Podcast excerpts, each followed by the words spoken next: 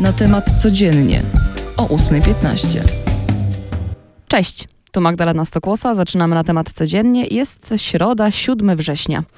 Co w polityce? Od tego zaczynamy. Dziś zbierze się Senat. Zajmie się przede wszystkim ustawą o wsparciu odbiorców ciepła. Przypomnę, że została ona przyjęta w piątek przez Sejm. Zakłada dodatek nie tylko węglowy, ale też dla rodzin palących peletem, biomasą, drewnem, olejem opałowym czy gazem. Mm, będą też rekompensaty dla podmiotów dostarczających ciepło, czyli na przykład wspólnot mieszkaniowych, spółdzielni, ale też kościołów czy szkół.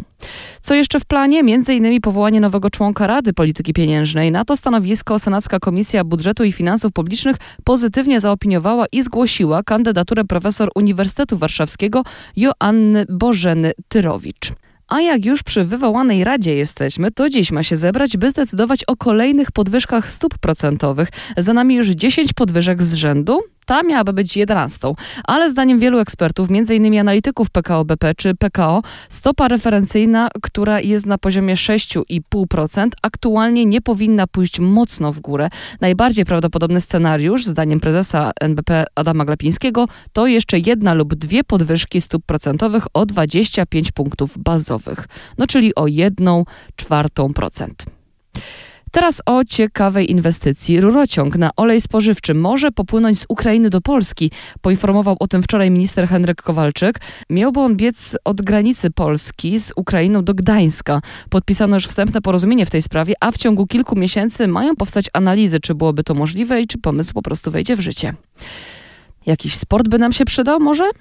No to ruszyły. Rozgrywki Ligi Mistrzów. Za nami pierwsze spotkania grupowe. Szczegóły znajdziecie oczywiście w naszym dziale sportu i ja tylko zapowiem, że dziś na murawę wbiegną m.in. zawodnicy Barcelony z naszym kapitanem reprezentacji Robertem Lewandowskim, którzy zmierzą się z mistrzem Czech Wiktorią Pilzno.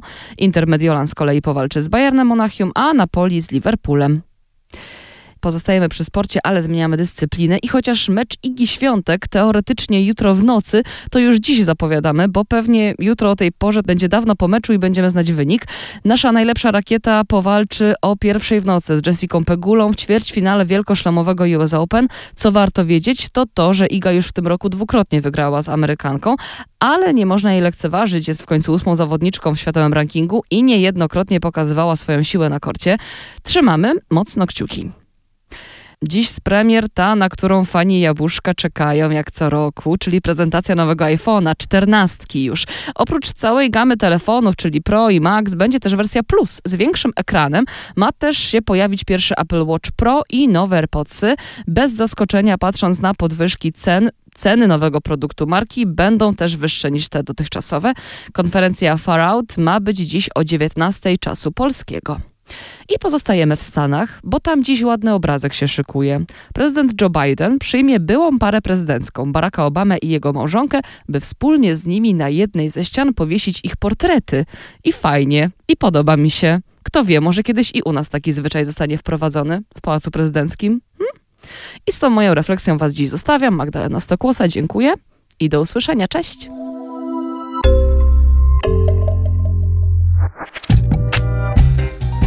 Na temat codziennie o 8.15.